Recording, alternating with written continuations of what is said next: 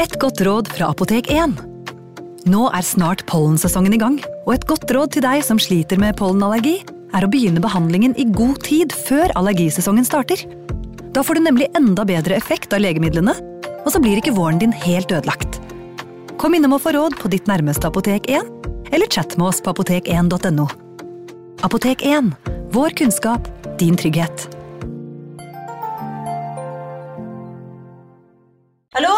Jeg kommer fra Oslo politikammer.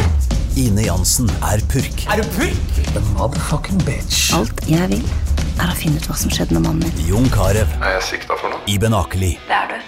Ole So, Lars Berrum og Big Daddy Karsten. Hvem sin side er du på, egentlig? Anette Hoff, Tone Danielsen, Kommer du fra Afrika? Jørnis Josef, Nesten kløfta. Trond Espen Seim, Det er synd å si det, men det var feil mann som døde. Purk. Premiere tirsdag på TV2 Play. Ungsamtalen fra DNB er økonomisk veiledning tilpasset deg som er ung. Bokk en ungsamtale på dnb.no. slash ung. Det er kjempebra hvis du skal inn på boligmarkedet, hvis det er drømmen din, liksom. Det er det du skulle sagt. Og så kunne du ropt litt mer, da, sånn som jeg gjorde. Bam! Advarsel. Denne podkasten inneholder skildringer av ekte drap og kriminalsaker som kan være støtende for enkelte. Det advares også mot sterke inntrykk i deler av episoden. I forrige episode hørte vi om Cindy Anthony, som ringte nødnummeret den 15. juli 2008 og kunne fortelle at datteren Casey Anthony hadde stjålet bilen hennes. Telefonsamtalen viste seg å føre til helt andre opplysninger, nemlig at Cindys to og et halvt år gamle barnebarn Kayleigh Anthony hadde vært savnet i en måneds tid, og at ingen visste hvor hun var. Kayleighs mamma Casey hadde ifølge seg selv levert datteren hos barnevakten om morgenen, og da hun skulle hente Kayleigh etter jobb, var barnevaktens leilighet tom og Kayleigh borte. Casey lyver om flere omstendigheter. Det viser seg ifølge overvåkningskameraene at hun ikke var ved leiligheten der barnevakten bodde, at Casey ikke jobber på Universal Studios slik hun først fortalte, og politiet mistenker at hun lyver om barnevaktens identitet. Barnevakten hun kaller Zani Denani, eller Zenaida Rodriguez Gonzales. Problemet er at det tilsynelatende ikke finnes noen i området med det navnet. Det er heller ingen kvinne med det navnet som har bodd i leilighetskomplekset Casey viste politiet. Ikke på fem år. Mot slutten av forrige episode kom det frem at Caseys mamma hadde ringt nødnummeret flere ganger samme kveld som hun ringte angående biltyveriet, for i bilen hennes, som Casey disponerte, stinket det av forråtnelse, altså liklukt. Likhunder markerte ved bagasjerommet, og da det ble åpnet, fant de en stor, brunaktig flekk. En flekk på størrelse med et lite barn. Velkommen til True Crime Poden.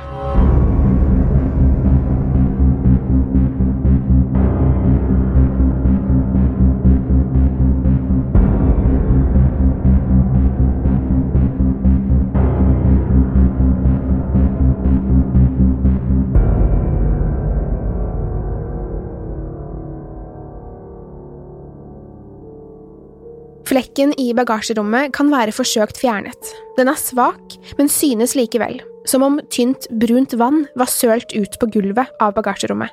Politiet støvsuger også gulvet, så alle fibre og eventuelle hårstrå eller andre mindre partikler kan undersøkes. Teknikere fjerner gulvet og skjærer ut flere testremser av stoffet med det brune innholdet på. Også det skal videre til testing. I mellomtiden avhøres George og Cindy Anthony igjen, for etterforskerne synes forklaringen om at pizzarester skal ha forårsaket liklukten, er usannsynlig. George forteller samme historie igjen. Han og Cindy hadde kjørt til inntauingsfirmaet, betalt boten og hentet ut bilen. De hadde begge lagt merke til den stramme lukten, og George, som kjørte bilen hjem, hadde stoppet langs veien og funnet en pose med råtten pizza og larver i. Han hadde så kastet søppelposen og kjørt hjem med åpne vinduer.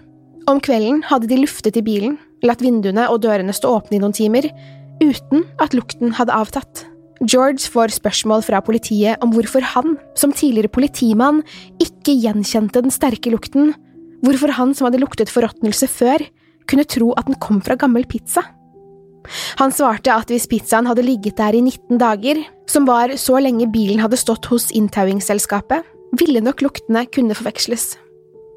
John Allen forstår at George er en bestefar som klynger seg til håpet om at barnebarnet hans lever, selv om det kanskje ser mørkt ut. Allen vet at George kjente igjen likelukten, og forstår at han ikke ville si noe om det i tilfelle det kunne skade datteren. Likevel, før de avslutter avhøret, sier George stille at han har en dårlig følelse. Han har hatt det siden de hentet bilen. Allen legger hånden på skulderen hans og sier, Jeg også, sir. Politiet fortsetter etterforskningen.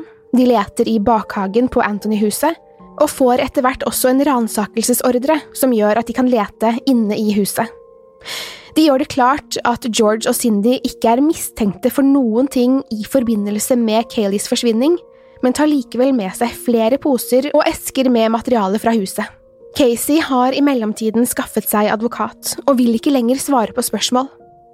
Hun sier at hun har sagt alt hun vet og samarbeidet med politiet, noe advokaten hennes nevner i media, hvorpå han i samme setning sier at slik Forsvaret ser det, finnes det flere mistenkte politiet ser på, og mener at Casey snart vil løslates. At etterforskerne tar med seg bevis fra Anthony-huset, fotograferes av presse som har samlet seg utenfor, og nyhetssendingene samme kveld viser bildene av etterforskerne som fjerner pose etter pose, graver i bakhagen og nekter å svare på spørsmål. Flere skuelystne har også samlet seg utenfor Anthony-huset. Noen synger og ber for Kayleigh, andre roper til George og Cindy at de må fortelle politiet det de har å skjule. Saken når nye høyder da nødsamtalene offentliggjøres, selv om Caseys forsvarsadvokat José Baez jobbet iherdig mot offentliggjøringen. I nødsamtalene hører man en opprørt Cindy fortelle om likelukten i bagasjerommet på Caseys bil, og saken tilspisser seg. Folk i nærområdet arrangerer enda flere leteaksjoner. Alle vil finne lille Kayleigh. Cindy og George fortsetter å besøke Casey i fengselet, og Cindy spør hvordan Casey har det. Irritert svarer hun. Mamma, jeg har vært her i snart en måned nå, hvordan tror du jeg føler meg? Cindy og George ser slitne ut. De har vært i avhør, svart så godt de kan på spørsmål, og får nesten ikke sove fordi de er så bekymret for hvor Kayleigh kan være, særlig siden politiet mener at flekken i bagasjerommet kom fra et dødt menneske. Casey, vi må få vite hva som skjedde. Vi trenger informasjon. Noe mer å gå etter, sier Cindy. Hun begynner å gråte, og sier at Kayleigh kanskje er død. Casey himler med øynene og sier surprise, surprise, og legger til jeg vil ikke snakke om det her, for jeg overvåkes hele tiden. I virkeligheten har Casey fått beskjed fra advokaten sin bias om å ikke si noe til foreldrene sine om saken, i tilfelle politiet har fått dem med på å lure Casey. Bias jobber også med å få retten til å gå med på å løslate Casey, på grunnlag av at det ikke finnes noe som tilsier at Casey skal ha mishandlet Kayleigh, da hun sitter fengslet for omsorgssvikt. Dommeren avviser søknaden, i påvente av flere opplysninger fra politiet. Tidligere venner av Casey intervjues også, og flere av dem kaller Casey en lystløgner. Hun lyver til alle om alt, og har ingen skrupler, er inntrykket mange har av henne. Noen av venninnene hennes intervjues også på TV, og sier det samme de fortalte politiet. I media blir Casey portrettert som en løgnaktig, festglad jente som ikke brydde seg om datteren. Både foreldrene hennes, i tillegg til kjæresten Tony, og romkameraten som så Casey og Kayleigh sammen gjentatte ganger over tid, sier det motsatte. Ja, Casey likte fest og moro, men når hun var sammen med datteren, da var hun mamma. Derfor spør politiet seg hva som egentlig stemmer med 22-åringen. Hun lyver, det er åpenbart. Casey lyver om jobben sin, hva hun gjorde den dagen Kayleigh forsvant, om barnevaktens identitet, om hun i det hele tatt finnes, og hun har løyet mens hun selv visste at Kayleigh var borte, til George, Cindy og kjæresten. Hun unnlot å kontakte politiet, og for alt de vet, kunne saken vært løst, og kanskje Kayleigh vært i god behold nå. I stedet sitter de igjen med en bil som stinker av forråtnelse, hårstrå som trolig kommer fra et menneske, uriktige opplysninger om Casey Anthonys bevegelser den dagen da datteren forsvant, og en barnevakt som tilsynelatende har forsvunnet i løse luften.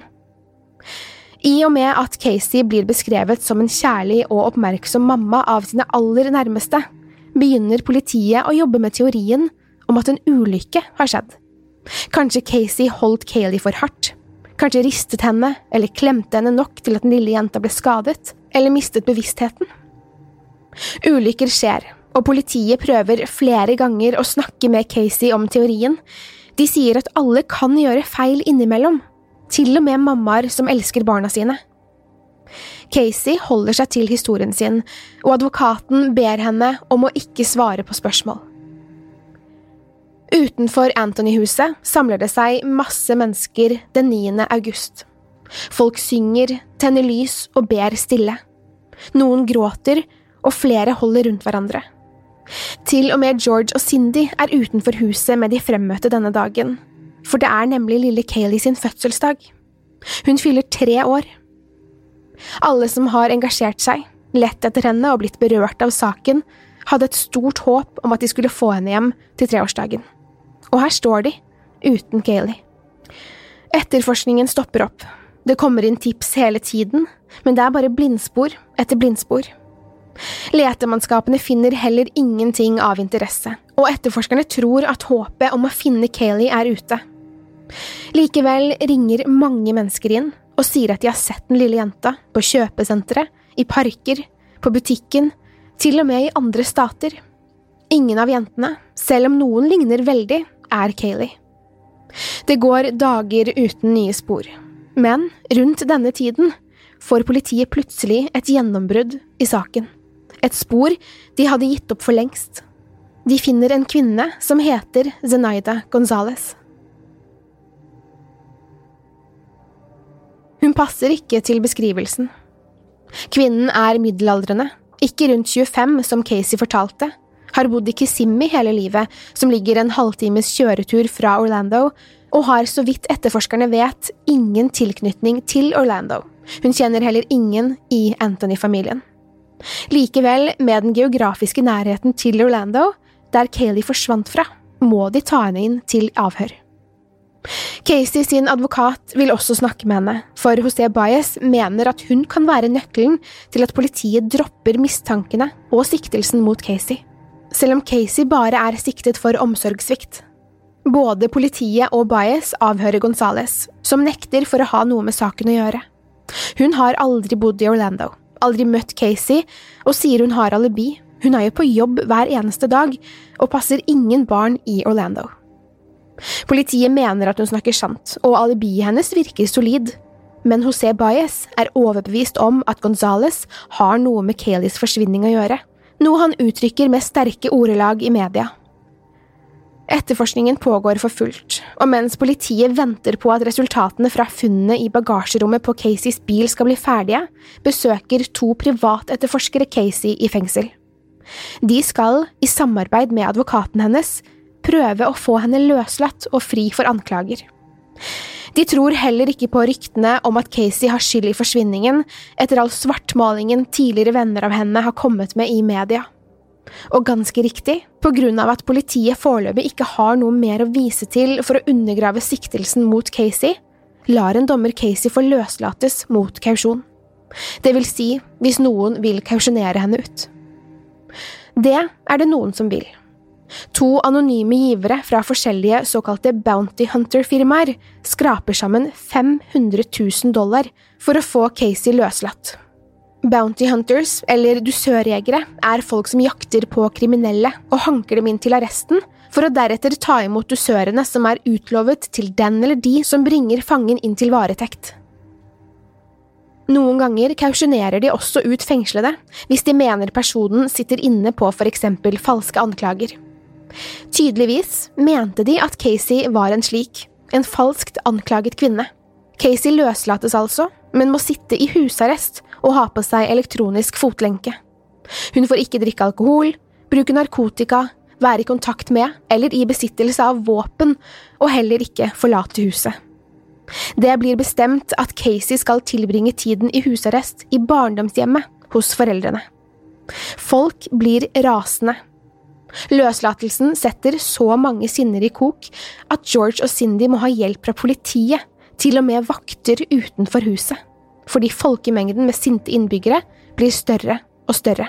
De står utenfor Anthony-huset med plakater hvor det står Babykiller, og banker på døren dag og natt og spør hvorfor George og Cindy huser en morder.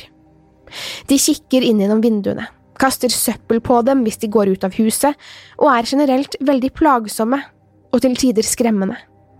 Til og med polititjenestemennene som holder vakt utenfor huset, blir hetset grovt. George og Cindy gir seg likevel ikke. De trykker T-skjorter med bilder av Kayleigh og telefonnummeret til tipstelefonen. De arrangerer letinger og prøver å holde seg opptatte mens Casey sitter i husarrest hjemme hos dem. Forholdet mellom foreldrene og datteren er kjølig, spesielt mellom mor og datter. Flere dokumenter og telefonsamtaler offentliggjøres, blant annet dokumenter som viser at Cindy har kalt datteren en sosiopat, en snylter og en løgner. Det kommer også frem at Casey ville adoptere bort Kayleigh etter fødselen, men at Cindy nektet henne å gjøre det. Familien Anthony har åpenbart hatt en del problemer seg imellom, og media melker saken for det det er verdt. Alle følger med, alle har en mening om familien, og alle har plutselig en teori om hva som skjedde med lille Kayleigh. Synske ringer inn og sier de har sett Kayleigh i Mexico, noen har sett henne i California, Arizona, og andre mener Kayleigh holdes fanget av menneskehandlere. Noen få mener hun er drept, kidnappet fra sitt eget hjem og kastet på sjøen. Teoriene vil ingen ende ta, og politiet som mottar alle disse tipsene, får mye å gjøre igjen. Alle ledetråder må sjekkes, men koblinger til andre stater, menneskehandlere og kidnappere virker forsøkt, og etterforskerne finner ingen grunn til å tro at det er hold i påstandene. Midt oppe i sirkuset er altså en liten jente savnet. Hun har vært borte i flere måneder, og i media krangler folk om hvem som sa hva, hva som ble sagt når, og hvem som egentlig lyver. Er det Casey? Er det Zenaida Gonzales? Eller kanskje Cindy og George? Politiet leter enda en gang gjennom hjemmet deres og tar med seg en spade fra bakhagen og esker med flere gjenstander. I slutten av august 2008 blir Casey Anthony arrestert igjen, denne gangen for tyveri og underslag, tiltalepunkter som ikke har noe med Kayleys forsvinning å gjøre. Og denne gangen er kausjonen satt til 3000 dollar.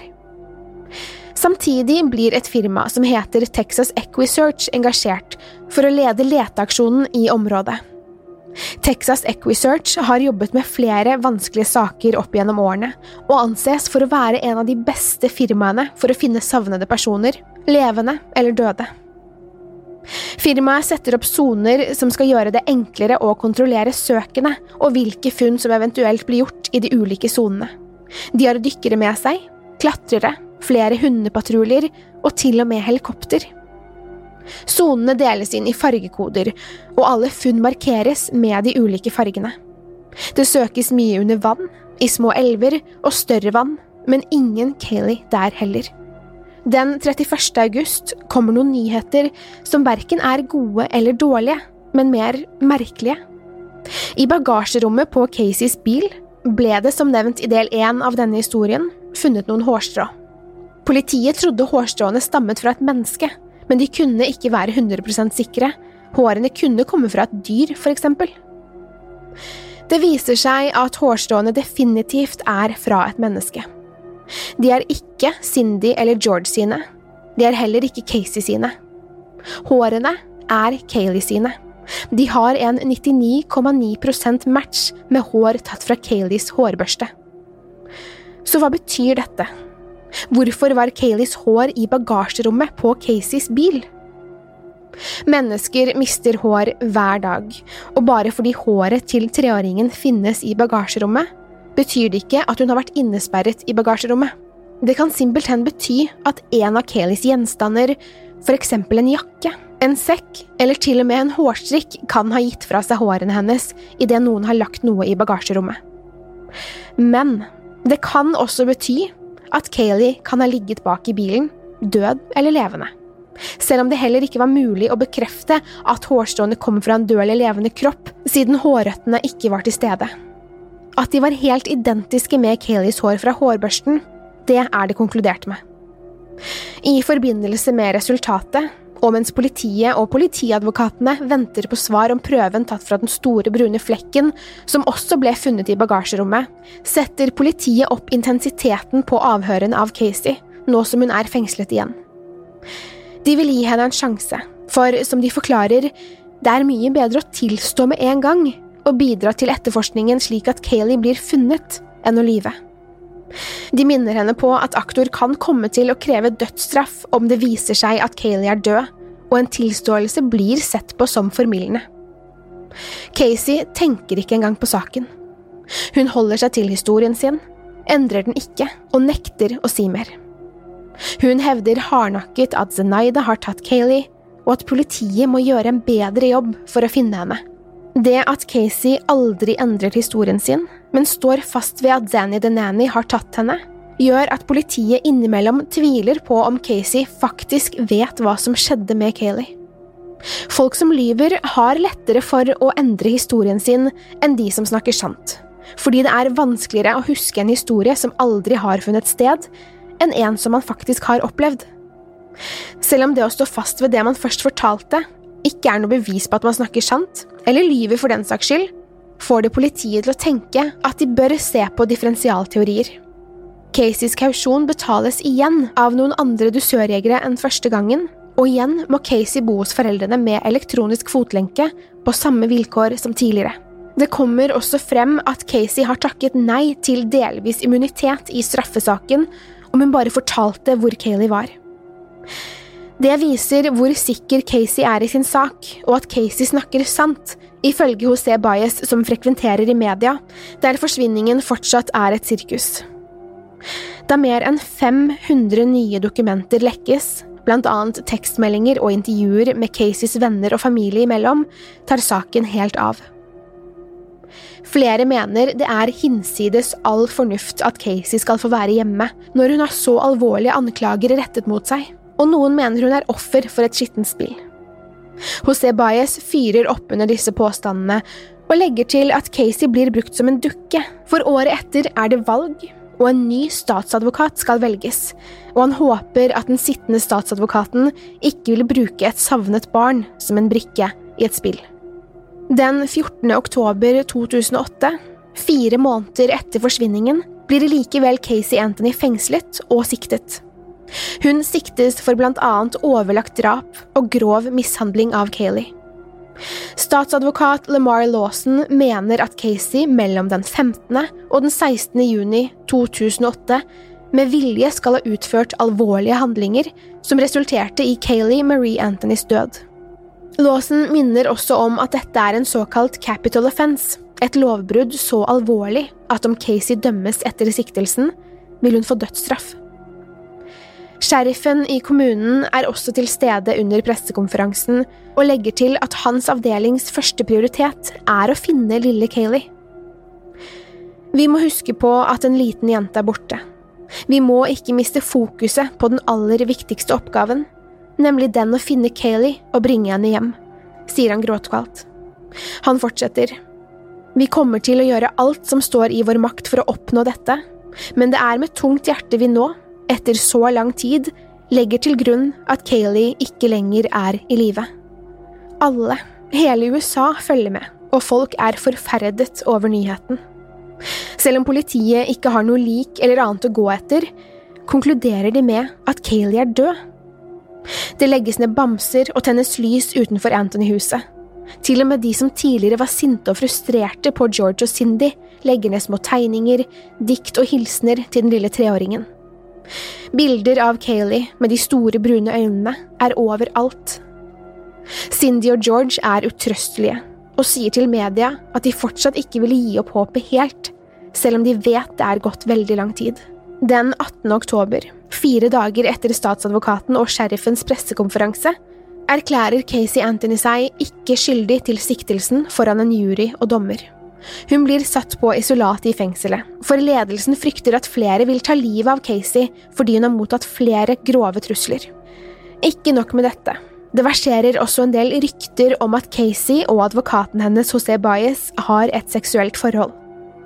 Bilder viser at de to klemmer hverandre tett etter at Baez har besøkt henne i fengsel. Han besøker henne hver eneste dag. Ryktene kommer etter at fengselsansatte har advart Baez mot dette, uten at han har latt være å holde rundt klienten sin. Rykter om at Casey betaler Bias med seksuelle tjenester dukker også opp, for Casey, en 22 år gammel alenemor uten jobb, har vel ikke råd til en stjerneadvokat som Bias? Verken Bias eller Casey svarer på ryktene. I mellomtiden holder fortsatt Texas Equisearch på med leteaksjonen, og har funnet en hvit kjole som trolig kan ha tilhørt Kayleigh. Den ligner litt på en den lille jenta har på seg på et fotografi. Kjolen sendes til testing, men har ligget for lenge ute for at krimteknikere kan konkludere med at den har tilhørt Kayleigh. George og Cindy kan heller ikke identifisere kjolen. Den 24. oktober kommer endelig resultatet på testene tatt fra bagasjerommet på Casey sin bil. Krimteknikere har testet den brune flekken. Flekken kommer fra et forråtnet menneske. Det har ligget en død person i Caseys bagasjerom. Dessverre kan ikke DNA hentes ut fra materialet, så hvem den døde personen er, vet ingen. Likevel er det nærliggende å tro at det kan være lille Kayleigh, siden håret hennes også er funnet der, på flekken. Det ble ikke funnet hår fra noen andre i bagasjerommet, bare Kayleighs. Enda verre er en tilleggsopplysning, for flekken i baksetet består også av kloroform. Kloroform er et organisk løsemiddel som i eldre tid ble brukt som bedøvelsesmiddel. Ifølge Store norske leksikon kom middelet til Norge i 1848 og ble i hovedsak brukt til å bedøve pasienter under operasjoner. Kloroform brukes ikke lenger som bedøvelsesmiddel i dag, men i populærkulturen, la oss si en detektivfilm, bruker ofte morderen eller skurken å legge en klut eller et klede over offerets munn og nese, hvorpå offeret besvimer innen få sekunder. Rester etter kloroform er altså funnet i bagasjerommet, og folk spør seg hvilken annen grunn skulle noen ha for å bruke kloroform enn å bedøve noen? Det diskuteres om stoffet kanskje er brukt som løsemiddel for å fjerne DNA fra flekken, for ingen annen logisk grunn finnes. Men DNA kan ikke ødelegges av kloroform alene, så teorien om at DNA-et, eller flekken, er forsøkt fjernet med løsemiddelet, faller bort. 11. desember 2008 En mann som arbeider for kommunen, er ute og rydder skog da han ser noe rart i et buskas. Han går ut av traktoren sin og bort i busken. Hjertet hans slår fort idet han forstår hva han ser på. På skogbunnen ligger en liten hodeskalle. Han ringer sjefen sin, som igjen ringer nødnummeret og forteller om funnet. Politi, rettsmedisiner, en antropolog og andre krimteknikere rykker ut i full fart. Der finner de to svarte søppelsekker og en slags tøypose. Hodeskallen ligger ved siden av posene, og både rettsmedisineren og rettsantropologen ser med en gang at hodeskallen stammer fra et menneske. Et lite menneske sannsynligvis et ungt barn. De finner ikke alle benrestene med en gang, for trolig har dyr gravd i posene de opprinnelig lå i. Krimteknikere samler alle restene de kan finne, og tar de med seg til rettsmedisinerens kontor.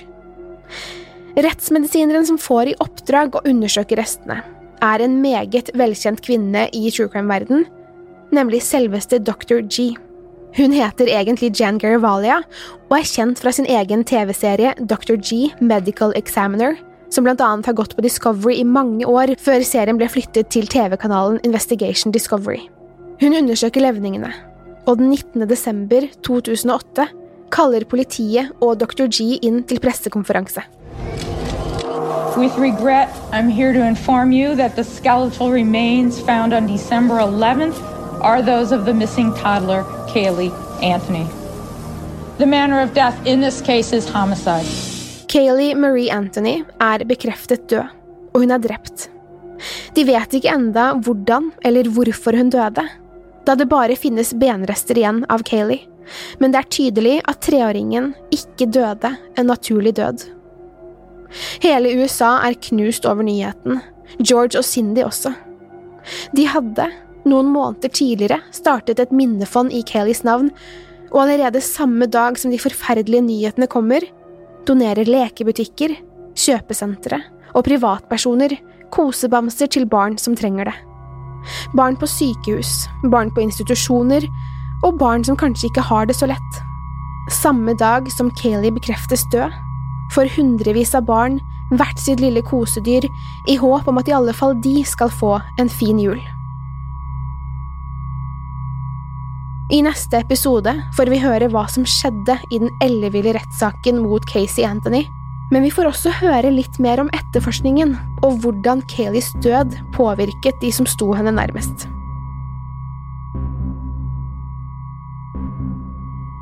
True Crime Podden er produsert av moderne media. Mitt navn er Pernille Tufte Radeid, og jeg vil takke Håkon Bråten for produksjon, lyd og musikk. Dersom du liker denne podkasten, gi oss gjerne fem stjerner i iTunes. Til neste gang, pass på deg selv, og takk for at du har hørt på True Crime.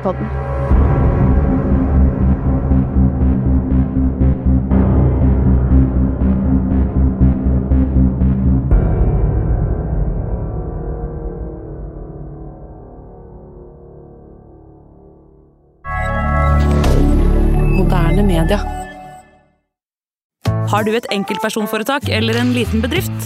Da er du sikkert lei av å høre meg snakke om hvor enkelt det er med kvitteringer og bilag i fiken, så vi eh, gir oss her, vi. Fordi vi liker enkelt. Fiken superenkelt regnskap. Hei! Takk for at du lytter til True Crime Podden. Skulle du ønske at du kunne høre en ny episode av denne podkasten hver eneste uke? Vel, da er det bare å laste ned podkastappen Untold med en gang. I tillegg til ukentlige episoder av podkaster som Skrekkpodden, Synderne og Henrettelsespodden, får du masse annet reklamefritt og eksklusivt innhold. Last ned Untold i AppStore eller Google Play, og start din 30 dagers prøveperiode i dag. Untold